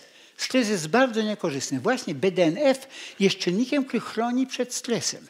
Stres natomiast powoduje zmniejszenie ilości BDNF-u. ja wiem, że to jest łatwo powiedzieć, starajmy się żyć bezstresowo. Nawet spróbujmy choćby wyłączyć telewizję, to już coś działa, daje, prawda? Opioidy. No, nie jest to takim wielkim problemem w tej chwili w naszym społeczeństwie nadmiar prawda, y, stosowania heroiny czy morfiny, ale one silnie blokują. Brak snu, a to już jest istotne, bo bardzo wiele młodych ludzi, a tak samo dorosłych, zarywa noce, żeby pracować, prawda? Brak snu hamuje neurogenezę. Sen jest konieczny dla konsolidacji pamięci i właśnie dla prawidłowego działania. Alkohol, no to jest problem trochę gorszy niż opioidy, prawda? A więc też musimy pamiętać, alkohol przy wszystkich jego korzystnych społecznych aspektach, że miłości czujemy, że jest fajnie i tak dalej, on rzeczywiście tą neurogenezę nam hamuje, prawda? Prawda? I to jest szczególnie szkodliwe w okresie rozwoju, a więc dla nastolatków. W ogóle uważam, że różnego rodzaju substancje zmieniające aktywność mózgu, z nimi trzeba strasznie uważać właśnie w momencie, kiedy mózg się rozwija. To znaczy, jeżeli osoba dorosła używa alkoholu, yy, pali konopie, czasami weźmie jakąś amfetaminę, to to nie ma takich dramatycznych zmian. Natomiast w momencie, kiedy to robi osoba, która ma mózg jeszcze nieukształtowany, niegotowy, to wtedy ten rozwój mózgu może iść w złym kierunku. I wtedy są te straty znacznie większe. A więc stąd właśnie uważam, że te wszystkie zakazy stosowania alkoholu i innych środków, na przykład dla młodzieży poniżej 18 roku życia, one są biologicznie bardzo, bardzo uzasadnione. Prawda? Tu właśnie a jak alkohol redukuje neurogenezę w hipokampie i to zarówno u samic, prawda, jak i u samców. A co zwiększa? No, aktywność seksualna to może nie dla młodzieży, ale już szkolnej, ale dla nastolatków w sam raz, prawda? Wzbogacone środowisko, o którym mówiłem, milczenie i medytacja. Medytacja bardzo dobrze pomaga. Czasami warto jest właśnie sobie zrobić ćwiczenia medytacyjne. Ćwiczenia, kurs medytacji uważnościowej y, ośmiotygodniowy powoduje przyrost grubości kory mózgowej o 5%. To jest bardzo dużo. Także ewidentnie widać. No i aktywność fizyczna, o której mówiłem, prawda? Oczywiście szkoła, prawda, sama to nie, mo, nie musi promować tej aktywności seksualnej, zwłaszcza, zwłaszcza szkoła podstawowa, ale to już jest inna sprawa, prawda? No i teraz, prawda, y, y, to są, jak próbowano usprawniać właśnie usprawnianie fizyczne, powoduje, że rzeczywiście przyrastają neurony. W trakcie uczenia się narasta liczba nowych komórek w hipokampie, prawda? To ewidentnie tutaj widzimy, prawda? Jak sobie to porównamy, im więcej, tym lepiej. Co się, ci, to prawa, to, o czym mówiłem, ten inspirowany y, neurogenezą program uczenia. Jeżeli połączymy trening fizyczny i trening umysłowy, prawda? I tu akurat nie właściwie było widać, że tu mamy zupełnie bez treningu, no mamy tam troszkę tych, tych. Jeżeli robimy trening fizyczny, przyrasta nam liczba neuronów, ale w momencie, kiedy potem skończy się to, to one zaczynają wymierać prawda? i liczba znowu ustala się na podobnym poziomie. Z kolei trening umysłowy, on nam nie zwiększa bardzo tworzenia, ale powoduje nam, że one dłużej przeżywają. I jeżeli skombinujemy trening umysłowy i trening fizyczny, to wtedy mamy szansę na zwiększenie liczby neuronów w hipokampie, czyli neurogenezy, czyli tego, co nam daje znacznie lepsze wyniki właśnie i jeżeli chodzi o zdolności emocjonalne, lepiej się czujemy i jeżeli chodzi o zdolności poznawcze. I tu właśnie był ten, robiąc takie doświadczenia, trening umysłowy, to było po prostu 30 minut medytacji uważnościowej, prawda? To taki stosunkowo krótko, 20 minut się leżało, 10 minut się chodziło. Ten, są takie kursy medytacji właśnie tego. A trening fizyczny to było 30 minut aerobiku, prawda, y, z y, treningiem właśnie takich sprawności ruchowych. Prawda? Dwie sesje tygodniowo, prawda, przez 8 tygodni. I proszę zobaczyć, jak po prostu i poprawiał stan fizyczny osób i stan intelektualny. Czyli naprawdę znowu nastolatki powinny mieć możliwości tego podwójnego, tej podwójnej metody. Tu już może tylko sobie powiem, że jak uczymy się to, działają nam całe sieci mózgowe i już nie mogę za dużo przeciągać, ale chodzi mi o to, że rozwój neuronów w mózgu w wyniku treningu dotyczy całych sieci neuronalnych i w zależności od osoby to mogą być różne sieci neuronalne, prawda? Także te same czynności mogą u różnych osób aktywować coś innego, prawda? Czyli na przykład, jeżeli tutaj inaczej wygląda sieć neuronalna u pianista amatora, bardzo amatorskie uprawianie na przykład muzyki fantastycznie sprzyja rozwojowi funkcji intelektualnych. Ja tego przypominam skrzypca Einsteina, mnóstwo osób z moich znajomych, którzy grali na fortepianie albo na pianinie, bardzo to się przyczynia. Ale to jest muzyka amatora. Zupełnie inne sieci się rozwijają dopiero u uzdolnionego dziecka, które się uczy. Oczywiście, że uczenie dziecka jest rzeczą bardzo dobrą, a jeszcze zupełnie inne sieci są, prawda, u wirtuoza, który gra w zupełnie inny sposób do tej muzyki podchodzi. Ale rozwijamy różne funkcje, różne sieci, ale one wszystkie i tak działają nam na korzyść, prawda? I teraz znaczenie sztuki dla rozprawienia mózgu nastolatka, bo to jest też istotne i Panie rektor, proszę dać wyraźny sygnał, jeżeli mówię za długo. Jeszcze troszkę. Dobrze. To już nie. Wobec tego kontakt ze sztuką sprzyja rozwojowi funkcji poznawczych, dlatego, bo ludzie, i ludzie z wykształceniem artystycznym mają normalnie lepsze osiągnięcia akademickie, prawda, niż inni, prawda? I, i takie specjalne konsorcjum, przeprowadziło badania, jak uczenie się sztuki wpływa na różne funkcje mózgowe i okazuje taki trening uwagi. I co powoduje to? Jak my uczymy się jakiejkolwiek dzieła, jak sztuki, a zwłaszcza wykonujemy sztukę, nam się rozwija pewna ciekawa cecha umysłowa, umysłu, którą nazywamy uwagą poznawczą. Ta uwaga poznawcza to jest coś takiego, to jest zdolność, że ja wybiórczo mogę się skupić na jakichś bodźcach intelektualnych przez krótki nawet czas, prawda, ale, ale prawda, żeby, żeby go wrzucić do pamięci roboczej. Jak ja tak mówię, to Państwu też czasami ta myśl gdzieś uchodzi tego i nagle powiedzieć coś ciekawego, jakiś bardziej kolorowy slajd, jakiś bardziej y, interesujący, to wtedy nagle budzimy się, uwaga poznawcza i ten moment zapamiętujemy. Dlatego profesorzy robią, robią dowcipy i tak dalej. Za młodych lat ja zawsze jakieś tam rozebrane panienki wpuszczam, a teraz przy tym internecie to już nie ma sensu, bo ja nic nie pokażę Państwu lepiej niż to, co Państwo sami sobie oglądają, prawda, co wieczór, także to jest, prawda. Ale ta uwaga poznawcza, ona gra istotną rolę w codziennym życiu, bo ona, prawda, to można trenować, bardzo istotne jest, prawda, ona dla rozwoju dziecka, prawda. Dziecko, właśnie dlatego ta uwaga poznawcza, jak dziecku każe napisać na przykład opowiadanko, coś takiego, to dziecko wtedy coś robi. Każe występować teatrzyk i tak dalej, prawda. Uwagę możemy ją badać różnymi metodami, prawda, i uczenie sztuki rozwija uwagę poznawczą, prawda. Także sztuka aktywuje mózg Dlatego sztuka jest niezbędna dla człowieka. Dlatego sztuka, jak powstała te 40 tysięcy lat temu, ciągle się trzyma z nami, to jest dlatego, że dla człowieka po prostu niezbędna. Dlatego, że ona zapewnia ten odpowiedni, odpowiedni poziom intelektualny, prawda? I ona powstała u samego zarania ludzkości i ciągle, i ciągle jest utrzymywana, prawda? A teraz uwagę poznawczą. Na przykład tę uwagę poznawczą, prawda, możemy robić, że coś robimy, prawda? Na przykład próbujemy ją aktywować w jakiś taki sposób. Jakaś nowość, coś ciekawego, dowcip, y, informacja, prawda, jakaś porada. Jak ja Państwu tu mówię, że na przykład jak komuś traci węch, to powinien iść do neurologa, to jest pewna porada i to u Państwa zapada w pamięci, bo to jest coś, co można prawda, zastosować. Oczywiście jakieś złamanie pewnych prawidłowości, no to palikot był takim typowym przykładem, ale to w ogóle jest taka lewa strona, prawda, tu pokazuje Hartmana specjalnie dla profesora Woleńskiego, prawda, było widać. I, ale to zrobiło kształcenie uczenia przez sztuki. Był cały wielki system, który właśnie Leonard Bernstein, my go w Polsce najczęściej znamy, tylko pamiętam, że on zrobił muzykę do West Side Story, ale to był bardzo wybitny pedagog, myśliciel, tak on zrobił cały taki cykl, on zrobił artful learning, uczenie przez sztukę. Ja znowu przecież to szybko, ale on chciał, żeby uczyć w taki sposób, żeby dziecko wykorzystując sztukę, mogło zdobyć doświadczenie pewnej rzeczy, następnie tę rzecz przebadać, następnie spróbować coś stworzyć i wreszcie mieć refleksję nad tym dziełem sztuki. I tu na przykład to było coś takiego, taki, taki króciutki przykład.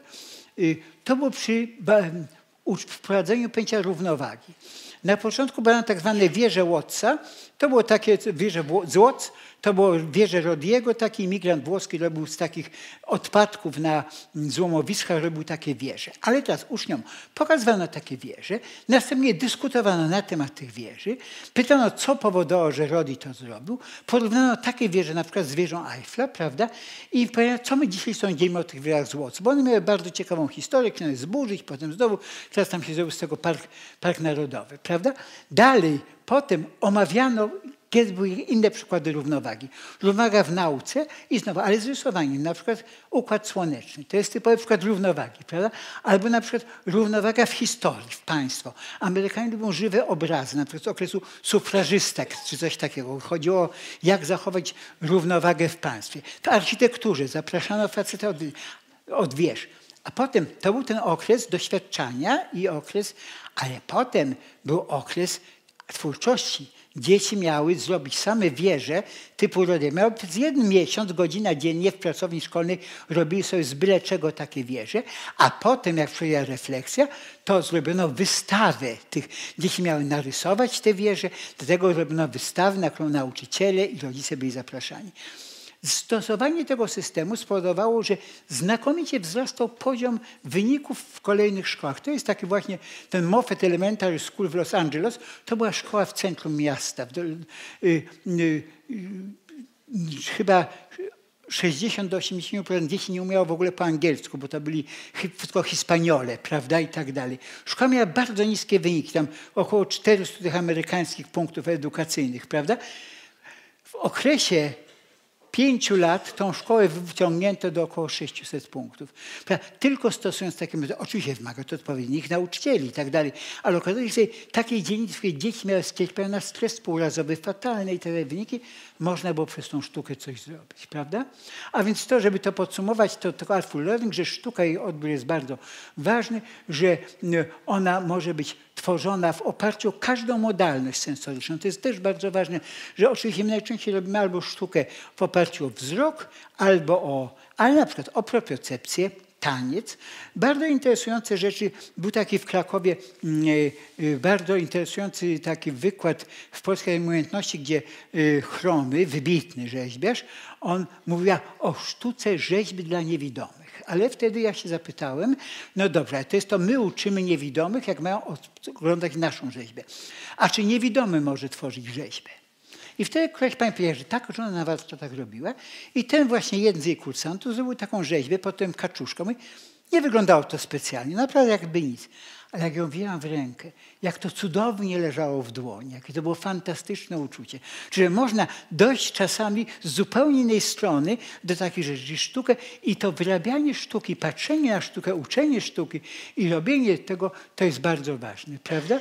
No i, i wobec tego, prawda, my ciągle odbiór sztuki i tworzenie sztuki. To jest, właśnie myśmy powinni gdzieś uczyć, prawda, tutaj właśnie. I to, i teatrzyk. Teatrzyk to jest fantastyczna sprawa. Nawet dzieci w, bo to jest akurat nie chyba w jakimś takim obozie internowanym w Japonii. Prawda? A to jest naprawdę istotne. Ale na przykład muzyka, bardzo ważne, bardzo rozwija. A uczymy baletu, prawda? To naprawdę wszystko ma znaczenie, prawda? I to rozszerzenie zakresu artystycznych w szkołach podstawowych i średnich to jest bardzo ważna historia. Czuję, że ten brak tego, prawda? Ale właśnie szkoła powinna mieć własne na przykład kółko teatralne, kółko muzyczne, coś takiego, to zainteresowanie naprawdę ono będzie sprzyjało tylko rozwojowi tak samo innych rzeczy. Ktoś może się bardzo dobrze uczyć zarządzania właśnie dlatego, że między innymi na przykład pracował w teatrzyku i wiedział, jak z ludźmi postępować, jak to się pracuje w teatrze, prawda? Pytanie, czy właściwie są alokowane y, na edukację nakłady, możemy powiedzieć nie oczywiście, bo trzeba byłoby to alokować właśnie w tym momencie, kiedy ta masa mózgu najbardziej wzrasta, prawda, a my głównie to dajemy dopiero jak ludzie są starsi. Pytanie o lekach prokognitywnych, czy mogą poprawiać procesy poznawcze u osób zdrowych i co tam z nastolatkami. Prawda? Mogą leki poprawić. Myślenie jest czymś takim, że tam tutaj nam mamy wejście i teraz tu mamy tak jak uwaga, szybkość rozwagi, prawda, pamięć robocza i teraz mamy decyzję. Że jest znana, nam wchodzi, prawda, gdzieś jest magazynowane i z tego będziemy mieli wyjście. A jeżeli jest nieznana, no to wtedy właśnie mamy procesy logiczne, przetwarzanie y, wzrokowe, przetwarzanie słuchowe, pamięć długotrwała. Te wszystkie procesy to mogą być usprawniane przez różnego rodzaju leki. Chodzi o to, że my w ogóle wiemy, że leki pomagają osobom, które mają defekty umysłowe, czyli kłopoty. Czy one mogą pomagać normalnym ludziom? Wydaje się, że tak, ale uważam, że ważniejsze są niefarmakologiczne metody poprawiania aktywności mózgu, zwłaszcza nastolatków. Po pierwsze żywienie, prawda? Nawet taka głupia rzecz, jak kofeina i glukoza, prawda? Rany się, włoskie śniadanie, czyli y, y, cappuccino e cornetto, doskonale prawda, daje takiego pchnięcia, pchnięcia w ten, prawda? Ale tak samo na przykład kwasy omega-3, witamina D3, wzbogacone środowisko, o którym mówiliśmy, wysiłek fizyczny, wysiłek umysłowy, sen, drzemki. Drzemki mają niesłychane znaczenie i to polecam osobom, które sobie mogą pozwolić. Na przykład drzemka w ciągu dnia, badano jak wygląda aktywność i sprawność umysłowa. Otóż normalnie sprawność umysłowa od godziny 8 do godziny 20 raczej spada. Ale jeżeli koło godziny 20, 12, 13 zrobimy krótką, 20-minutową drzemkę, to nagle podchodzimy do aktywności z godziny 8, ona nam się trzyma przez cały czas. Widzimy wtedy, było dużo badań właśnie na tym, jak wyglądają tak zwane wrzeciona senne i ta liczba wrzeción sennych, które wtedy akurat jest ich dość sporo, ona znakomicie pomaga funkcjom intelektualnym. Czyli jeżeli ktoś się, oczywiście studenci nie powinni spać na wykładach, prawda? Nie żeby prowadzić tak wykładów, żeby studentom umożliwiać to spanie, ale, ale to jest bardzo istotne, prawda? Medytacja, powiedziałem właśnie, jak medytacja zwiększa o, pojemność mózgu, mnemonika, skłonienie studentów do tego, żeby się nauczyli trików mnemotechnicznych różnego rodzaju i żeby to jakoś mieli w, w sensie, że jak mają coś zapamiętać, czy mają coś zrobić, żeby sobie od razu myśleli o skojarzeniach. Ja na przykład takim moim przykładem ja pamiętam na przykład wysokość Fujiyama, ale tylko w systemie amerykańskim i to jest 12 365 stóp. A dlaczego to pamiętam? Bo coś skojarzyłem z rokiem. Rok ma 12 miesięcy i 365 dni. Już widzę Fujiyamy, myślę jeden rok, prawda, natychmiast. W ten sam sposób, prawda, Bitwa Grunwaldem, jeden litr wody, 400 gramów cukru, 10 dekadrocznych, prawda? I data od razu przychodzi sama do głowy, prawda, bez znajomości historii. A więc to jest ważne. Trening komputerowy można pomagać sobie treningiem komputerowym i w ogóle ja uważam, że komputer i pewne gry komputerowe rozwijają intelekt. Tylko jest niebezpieczeństwo, że czasami mogą wchodzić w nauk i wtedy rzecz jest trochę gorsza, prawda? Elektryczna stymulacja mózgu to jest jakby coś w przyszłości, prawda? A więc możemy próbujemy wzmacniać te poznawcze możliwości mózgu, prawda? I to są, prawda, i takie, prawda, nieterapeutyczne zastosowania różnego rodzaju technik, prawda. Możemy poprawiać pamięć, zwiększamy koncentrację, rozszerzamy zakres uwagi. O to nam chodzi po prostu w mózgu. Chcemy udoskonalić i przyspieszyć procesy podejmowania decyzji. To jest zresztą to jest ważne właśnie dla szkoły, która uczy zarządzania i tak dalej. Jeżeli chodzi o cele usprawnienia mózgu, to mamy jakby dwa cele. Jeden to jest przed egzaminem natychmiast muszę się przygotować do czegoś, oddaję, piszę grant, coś takiego. To jest jedno. Krótki wysiłek tego. Ale drugie, żeby w sposób długotrwały działać i to długotrwały, prawda, ogólnosprawny, to jest coś, co jest właśnie bardzo ważne, bardzo ważne dla nastolatków. Dla rozwoju mózgu nastolatka ważne jest przede wszystkim usprawnienie długotrwałe, w wyniku którego prawda, powiększą się jego potencjalne możliwości, prawda, a to determinuje sukces życiowy prawda, w wieku dojrzałym. Prawda? No i to długotrwałe usprawnienie mózgu, jeszcze raz powtarzam, tylko prawda, ono jest związane z pewnym treningiem psychologicznym, związane ze zdrowym trybem życia szeroko robionym, powiększaniem pewnych obszarów kory mózgowej, które się wtedy robią i oczywiście tak samo odpowiednie odżywianie, które ma krytyczne znaczenie. No i chyba przeciągnąłem wykład trochę. Dziękuję Państwu bardzo. Dziękuję.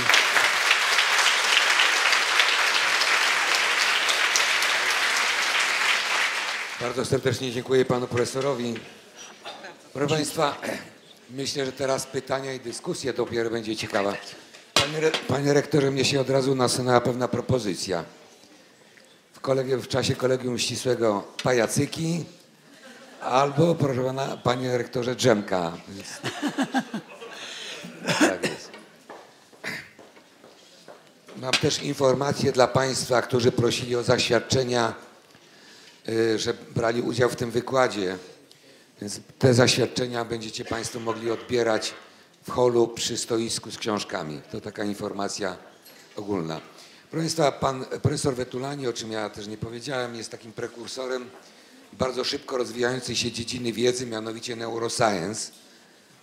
Jest neurobiologiem, oczywiście farmakologiem, biochemikiem, jeżeli Państwo macie jakieś pytania, to tutaj studentki chodzą i będą za, e, po prostu nam pomagać, jeżeli chodzi pytania na kartkach. Ale ja mam pytanie takie życiowe, aktualne bardzo do Pana Profesora. Dzisiaj jest dużo kontrowersji wokół tego, czy sześciolatkowie powinni chodzić do szkoły właśnie jako w wieku sześciu lat czy siedmiu lat.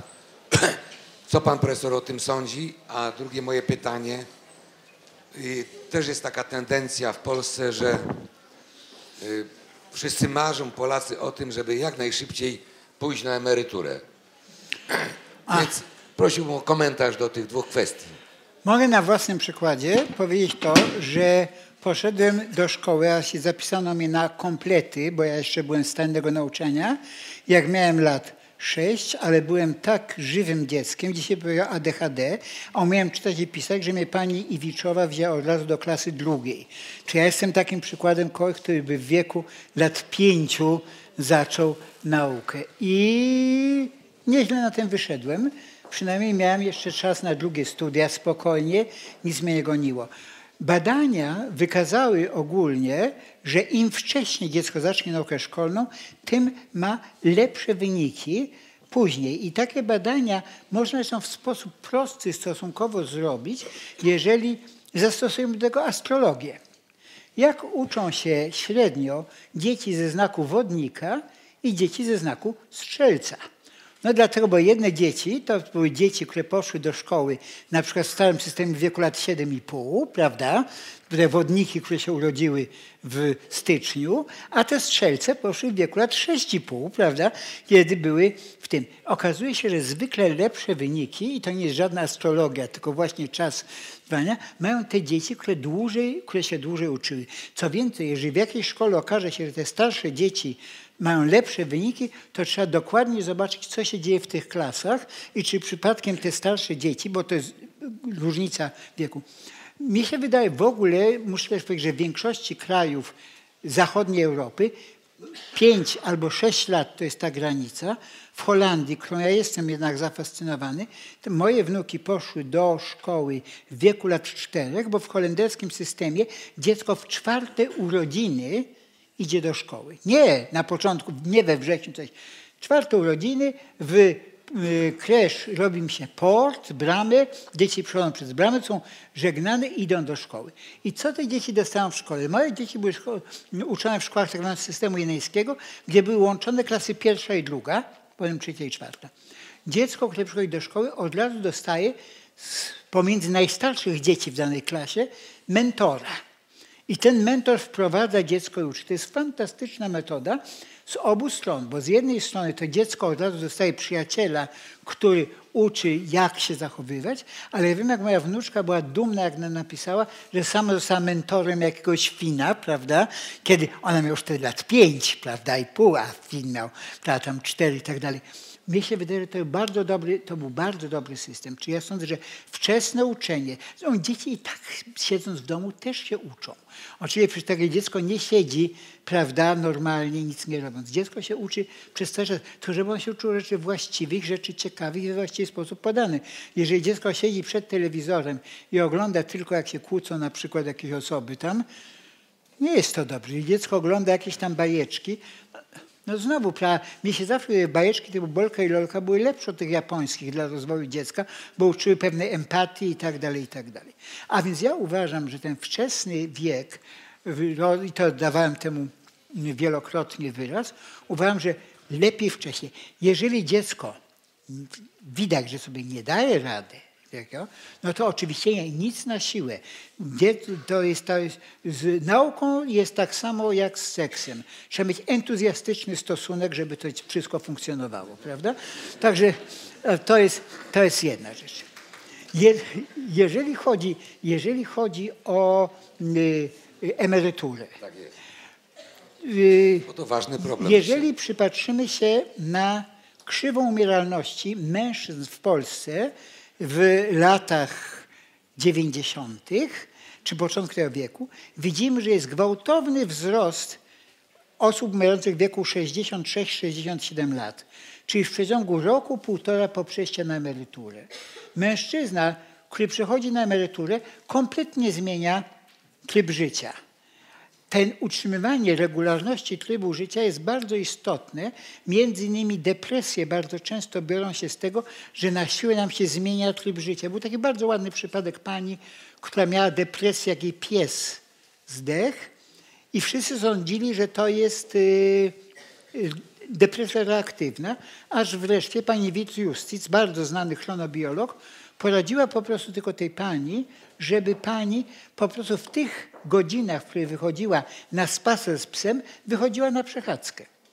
I objawy depresji zniknęły. Pani wróciła do trwałego rytmu. I dlatego u mężczyzn, że dwie takie krytyczne rzeczy, gdzie nagle wzrasta śmiertelność mężczyzn, to jest przejście na emeryturę i wdowieństwo. Wdowcy umierają też, zwykle żyją bardzo krótko w stanie. Wdowy żyją w nieskończoność. A...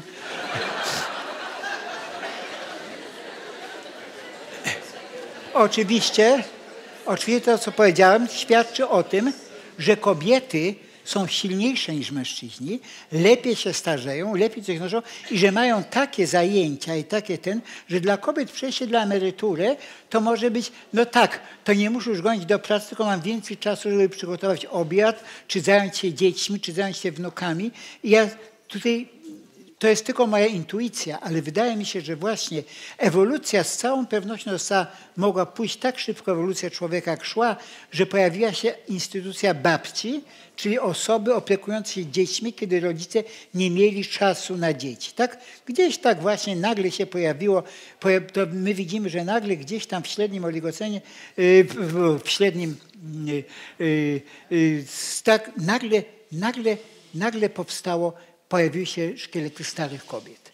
To znaczy, że nagle ta zasada, która była przedtem obowiązuje prawie wszystkie gatunki, że umiera się po skończeniu wieku reprodukcyjnego, została złamana. Okazuje się, że stara kobieta się potrzebna do ewolucji. Znaczy ja wiem, że powinno się powiedzieć seniorka, co ja bardzo przepraszam, ale, ale prawda, no, słowa, słowa, to i tak róża pod każdym inną nazwą będzie tak samo pachniała, prawda, jak Szekspir powiedział. Wydaje mi się, że właśnie star kobiety poza wiekiem reprodukcyjnym przyczyniają niesłychanie do rozwoju właśnie ludzkości. I dlatego ja nie jestem pewien, jak wygląda sprawa emerytury kobiet. Ja muszę być to ja. Natomiast jeżeli chodzi o mężczyzn, to z całą pewnością przedwczesne pójście na emeryturę. I znowu, jeżeli mam dać jakiś przykład z siebie, prawda, no to teoretycznie to ja powinienem pójść na emeryturę już 15 lat temu, prawda, A jak mnie pożegnano 10 lat temu w Polskiej Akademii Nauk na z pełnego etatu, utrzymując pół etatu, to zacząłem jeszcze wykładać właśnie w prywatnej uczelni i bardzo dobrze się z tym czuję. Nie bardzo sobie wyobrażam, sobie siedziałbym, pił piwo, ewentualnie coś tam robił w ogródku. Dziękuję bardzo. Ja też jestem przykładem sześciolatka, muszę Państwu powiedzieć. No nie wiem, czy mi to zaszkodziło, ale to musiał Pan rektor Pomianek osądzić po prostu. Zobaczymy, jaka będzie premia. No więc właśnie. No jest takie pytanie dosyć prowokacyjne, no ale spróbujemy panu profesorowi zadać. No właściwie dwa. No, najpierw jest pytanie no, poważne bardzo, nawet z zakresu można powiedzieć kognitywistyki. Czym jest myśl? A drugie pytanie, nie wiem dlaczego ono się z tym nie wiąże, czy kobiety są ludźmi? No, Straszne. widzę, to jest pytanie, to znaczy ja w ogóle uważam, że yy, powiedz tak, czym jest myśl? Yy, radzę po prostu, macie tutaj Państwo księdza Hellera, macie tutaj w Rzeszowie i tak dalej, tu jest Pan profesor Woleński. Czym jest myśl? Jest to jak gdyby zagadnienie bardziej filozoficzne niż neurobiologiczne. Ja jestem facetem, ja jestem facetem od szczurów, ja nie, tego. Dla mnie po prostu, ja tutaj, była taka krakowska szkoła neurologii profesora Pilca, i on po prostu powiedział, że dla niego myśl, świadomość, aktywność neuronalna y, to są synonimy. To nie są dokładnie synonimy, ale to, to ja mogę podchodzić takimi metodami, jakie znam, prawda, i wtedy mogę, y, tak mniej więcej mogę powiedzieć. To jest, to jest ta, że tak powiem, odpowiedź tego. Natomiast jest szalenie ciekawe, jak wyglądają różnice płci, czy są jakieś, czy nie ma i tak dalej. Bo oczywiście samo pytanie oczywiście jest postawione prowokacyjnie, nie, ale to jest tylko dlatego, bo rzeczywiście nawet w języku angielskim, w którym nie ma y, tego dopisywania y, płci do każdego tytułu. Natomiast minister jest minister, a nie w Polsce minister, pani ministra albo coś takiego. W angielskim jest to Natomiast rzeczywiście jest to men. Prawda? Mówi się manhood, prawda? a nie humanhood, chociaż powinno się o czymś mówić. To jest y, pewna zaszłość, która oczywiście wynika z struktury społecznej. Natomiast jest pytanie tak, czy mężczyźni i kobiety jak wygląda ta relacja. Otóż ja, ja miałem kilka takich wykładów. Ja mówię, różni, ale równi. To jest zasadnicza historia. Mamy ze względu na rolę biologiczną, bo my nie, ode, nie odlecimy od biologii. Nie można nie odejść od, od biologii, czy by się chciało, czy nie. Prawda? I tak, jeżeli mi nic nie utną, to mam dwie ręce i dwie nogi, prawda? I, I mogę sobie wymyśleć, mogę sobie wymyślić rower, żeby być szybciej, albo samochód, albo coś takiego ale zasadniczo od biologii nie odejdziemy. Role społeczne mężczyzn i kobiet, podział ról utrwalił się mniej więcej na poziomie homo erectus, tego, którego mówiłem, ten, kiedy wynaleziono, ten, kiedy wynaleziono ogień. Ale to się bierze z bardzo ważnej różnicy, mianowicie to zasada polega na y, znaczeniu poszczególnych płci w procesie reprodukcji. Otóż tak jest ukształtowana cała przyroda, że płeć męska to jest ta płeć, która produkuje dużą ilość komórek płciowych, która może być jeżeli może być, to jest wykorzystywana, a powiedzmy sobie, że każda płeć, zarówno męska, jak i żeńska, dąży do sukcesu reprodukcyjnego i ten sukces reprodukcyjny tylko teraz się mierzy, mierzy się w sumie liczbą zdrowego, dobrego, zdolnego do rozmnażania potomstwa. Mężczyźni z racji fizjologii i natury sukces reprodukcyjny osiągają zwiększając liczbę partnerek. To jest im więcej partnerek, tym większa szansa. Jak jestem sułtanem i mam 300 nałożnic, prawda, to nawet jeżeli licząc, że wszyscy na dworze są eunuchami, to i tak mam pewne szanse, żeby mieć tych dzieci 600 na przykład. Y, kobiety mają ograniczone możliwości, dlatego, bo nie mogą za dużo. I sukces reprodukcyjny kobiet nie zależy od ilości partnerów. Sukces ewolucyjny kobiety zależy od jakości partnera czy partnerów. W związku z tym taktyka seksualna jest zupełnie różna. A jak to wygląda z punktu widzenia ważności biologicznej? Otóż z punktu widzenia ważności biologicznej płeć męska to jest płeć na rozkusz. To jest płeć niespecjalnie potrzebna. Jak sobie weźmiemy, weźmy sobie statko, 20 samców, 20 samic. To mogą być kobiety, to mogą być żubry, to mogą być szczury. Załóżmy sobie, że to jest na przykład ludzki i że wydajność reprodukcyjna tego statka jest 20 młodych rocznie. W porządku. Dobrze. Ginie 10 mężczyzn. Jaka jest wydajność reprodukcyjna stada? 20 rocznie, oczywiście. Ginie jeszcze piątka, wydajność reprodukcyjna? 20 rocznie. Zostają dwa samce, jeżeli są względnie żwawe, 20 rocznie, prawda? Czyli, że liczba samców nie, ginie jedna kobieta, o 5% spada historia. W związku z tym, natur, ponieważ natura tak działa, że są jak gdyby preferowane te zachowania, które zwiększają wydajność reprodukcyjną, to wobec tego samce są tą płcią, której rola polega na ochranianiu młodego pokolenia i dawczyń młodego pokolenia. Samce chronią samice i chronią potomstwo kosztem własnego życia, bo życie samca, dlatego mówię, że mężczyźni to jest płeć na rozkosz. Oni, prawda, idą, ale to nie jest tylko człowieka. No stado bizonów, które jest atakowane przez wilki. Samce, byki idą na okrąg, prawda? I w, a w okręgu są zamknięte y, krowy i cielęta, prawda? I tak jest, tak jest prawie wszędzie. To znaczy po prostu jest zasadniczo, zasadniczo jest inna, inna, inne znaczenie. I w związku z tym nastąpił też pewien podział funkcji i mężczyźni przejmowali te funkcje właśnie w tym czasie, kiedy było obdarzone większym ryzykiem. Mężczyźni byli raczej łowcami, a kobiety raczej zbieraczami. Pociągnął to są bardzo głębokie konsekwencje. Na przykład, jak mężczyźni idą na polowanie, to nie gadają, idą w ciszy. Nie mówią. Mówienie to nie jest silna pamięć. Jak kobiety opiekują się nad dziećmi, nad tymi, kobiety gadają. Ja uważam w ogóle, że kobiety, jak pytanie, że sztuka została stworzona raczej przez kobiety niż przez mężczyzn. My widzimy, że są na przykład takie szkielety, prawda, y, y, z, y, z prawda, średniego neolitu, gdzie się znajdują szkielety kobiece, na przykład z naszyjnikami albo z bransoletkami. Czyli w ten sposób, dopiero potem faceci, albo może też kobiety, nie można powiedzieć. My tak myślimy, że to ten pierwotny, że te malowidła to robili faceci, ale wcale nie jestem tego przekonany. Nie mamy żadnego, żadnego dowodu, prawda, kto to robił. Także, y, także w każdym razie kobiety były tym, a mówiłem, że sztuka właśnie rozwija mózg. I efekt jest jaki w tej chwili, że to jest takie powiedzenie, które niektórzy twierdzą, że nie ma uzasadnienia naukowego, ale badania, które przeczyły temu, to było, że próbowano badać, jak wiele słów wypowiadają studenci i studenci, które razem były na kampusie. Otóż Stanowisko studenckie jest jak dziewczyna pyta, facet musi odpowiadać, także to jest coś innego. Natomiast uważa się przeciętnie, amerykańskie takie powiedzenie było, że przeciętna Amerykanka w ciągu doby wyrzuca z siebie 20 tysięcy słów, a mężczyzna tylko 6 tysięcy słów. I jest tak, takie niemieckie przysłowie ein Mann, ein Wort, to jest ein Weib, ein Wörterbuch, prawda? Jedna kobieta, jeden słownik. Kobiety mają znacznie lepszą zdolność, znacznie większe zdolności werbalne.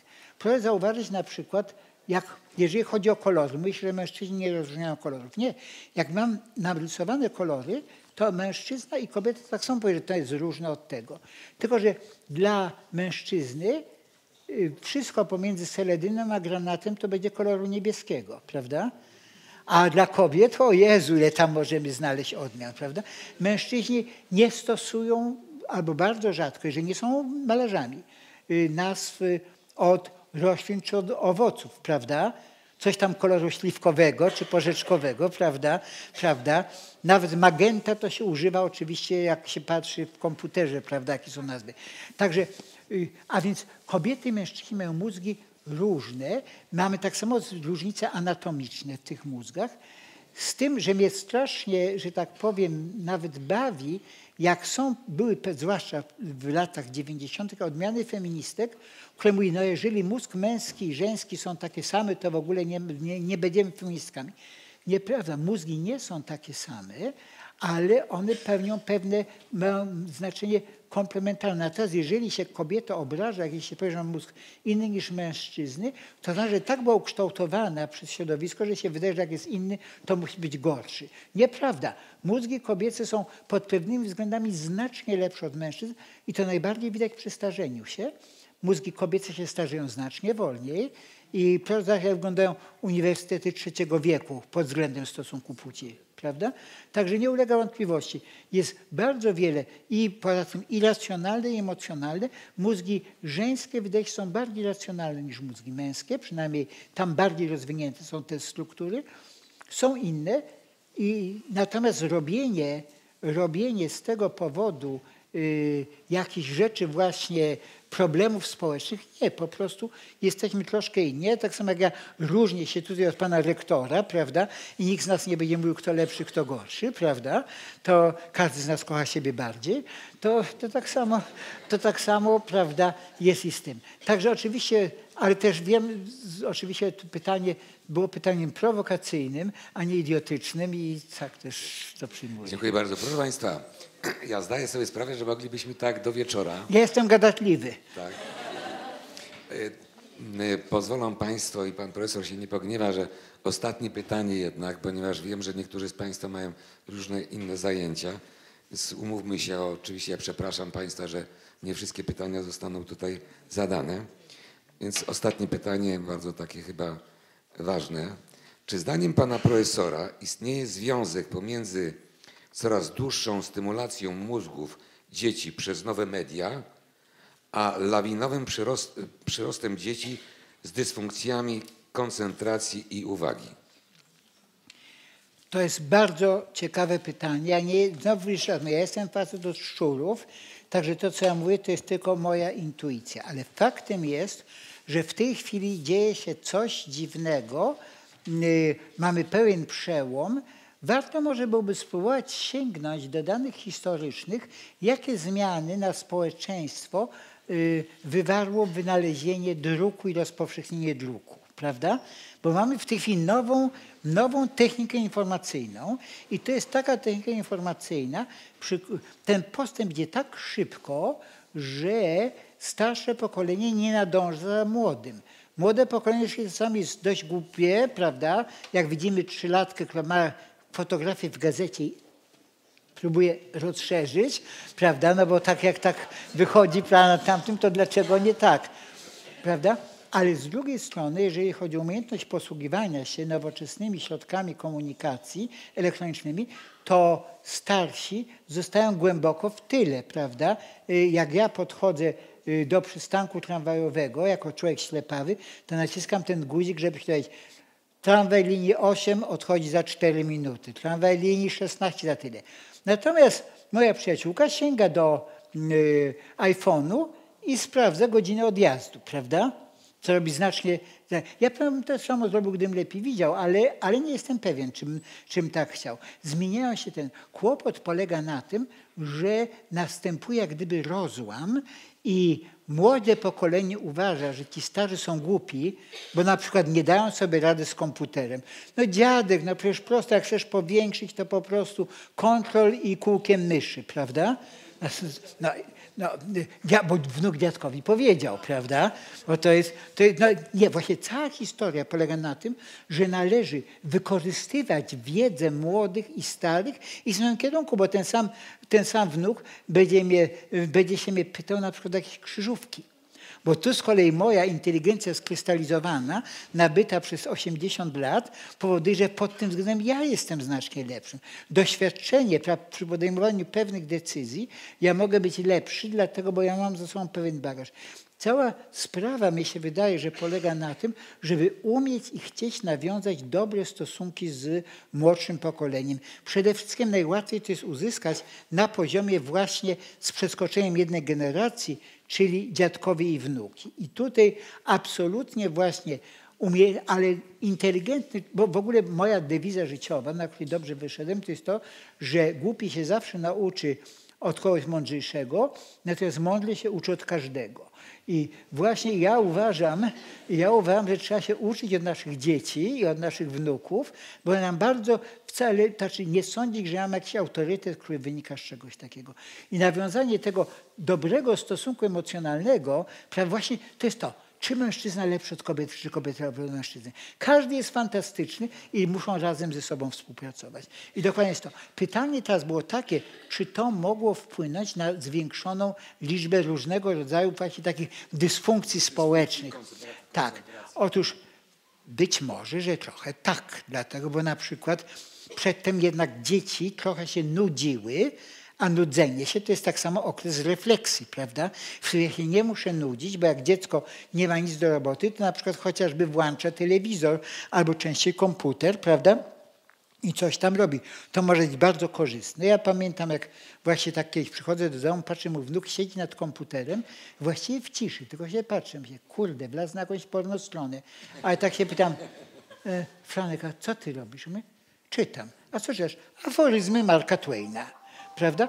Potrafił... Franek to ukochany wnuk pana tak. profesora, proszę państwa. Tak, tak. Franek a o wszystkim decyduje. A stąd wynika, że po prostu można... Dzwoni Franek. Nie, nie, nie. Franek jest dość mądry i tu go akurat nie wyrzuciliśmy to. Dobry. Wygaś. On właśnie jest nisem. Teraz jest dobrze. I, I po prostu, a więc, a więc jest coś takiego, że, że te dzieci i dorośli muszą ze sobą współpracować. Jak to wpływa na oddychanie? Sądzę, trochę jednak mimo wszystko jest też kwestią y, definicji, bo dawniej mówiło się, że jest albo żywe dziecko, albo straszny gówniarz, a w tej chwili się mówi, że ma Aspergera, albo ADHD, albo coś takiego. My próbujemy coś robić. Ja widzę na przykład, ja nie jestem pewien, ale wydaje mi się, że to, jak w jak sposób, jak wyglądała moja, moja szkoła i moje te, one były w pewien sposób naturalne. Naturalną rzeczą na przykład dla człowieka jest to, zwłaszcza wśród chłopców, że chłopcy się biją i że w jakiś sposób się znajduje tą metodę i takie normalne jest życie, prawda? Metody w tej chwili szkolne, w których się straszliwie tego, a z drugiej strony nauczyciel jest odpowiedzialny za to, że na przykład dziecko rozbije sobie kolano, prawda? Głównie się rozbił kolano, no bo się przewrócił, bo był głupi, nie uważał, nic się nie stało, nogi nie stracił, prawda? prawda? Nie ma A więc mnie się wydaje, że my mamy troszeczkę taki historyczny stosunek w tej chwili do młodego pokolenia, który y, w końcu obraca się przeciwko niemu. Na przykład próby tego, ażeby dzieci trzymać pod kloszem, podejrzewam, to może, zwłaszcza dzieci z tych bogatszych rodzin, dziecko, które kierowca, taksów, taksówkarz odwozi do szkoły, jest w małej szkole, w której nie dostaje niedostatecznego, bo to byłoby złe, prawda? I tak idzie, tak dochodzi i w którymś momencie nagle to dziecko staje przed normalnym życiem kompletnie nieprzystosowane. Dziecko, które nie wie, że są ludzie źli, że są ludzie, którzy z przyjemnością mu coś zrobią na paskudę, że zrobią coś tam, nagle jest taka ostra konfrontacja. Ale ja muszę powiedzieć, że to są znowu uwagi starego człowieka, i być może nie są adekwatne do tego, co jest. Ja mówię jeszcze raz o moich intuicjach. Wydaje mi się, że część z tych rzeczy jest związana z trybem życia, część ze stresem, który jest, bo jest duży stres na dzieci, prawda? A jak ci poszło, a jak, a jak tego? Ja nigdy nie pytałem wnuka, jak mu idzie w szkole, prawda? On e ewentualnie mówił, jak chciał, to były jego sprawy. Nikt nie ganiał do nauczycieli, prawda, żeby poprawić notę albo coś takiego. Po prostu y, uważam, że... A więc powiedziałbym jeszcze raz, wydaje mi się, że intuicyjnie zmiana trybu życia w tej chwili rozwój mediów elektronicznych, bombardowanie informacjami, które bardzo często są informacjami nie bezsensownymi, nieistotnymi, albo nawet y, szkodliwymi i powstawanie pewnych szkodliwych rzeczy. Ja, jak ja jestem wielkim zwolennikiem właśnie rewolucji informatycznej internetu, ja muszę powiedzieć, że jednak no, nie jest to najlepszą rzeczą, że nagle na przykład pokazują się na internecie y, szczegółowe dane, jak można uzyskać, żeby się odurzyć bielunia dziędzierzawy, o czym większość dzieci nie wiedziało, nie stosowało, nie tego. Jest rodzina rudymentarna, gdzie się usunąć, prawda? A jeżeli nagle się zrobi z tego rzecz atrakcyjną, no to kłopot, prawda? Także Także to jest znowu, a z drugiej strony my sobie cenimy wolności, nie lubimy. Żyjemy w czasach ciekawych. Państwo pewno mają większą szansę zobaczyć, jak to się skończy niż ja, ale, ale, no, no, ale należy być szczęśliwy, że żyjemy w e, ciekawych czasach. Ja uważam, obyś żył w ciekawych czasach nie jest przekleństwem. To naprawdę daje człowiekowi pewnego kopa. Bardzo serdecznie jeszcze raz dziękuję panu profesorowi, dziękuję państwu i do zobaczenia.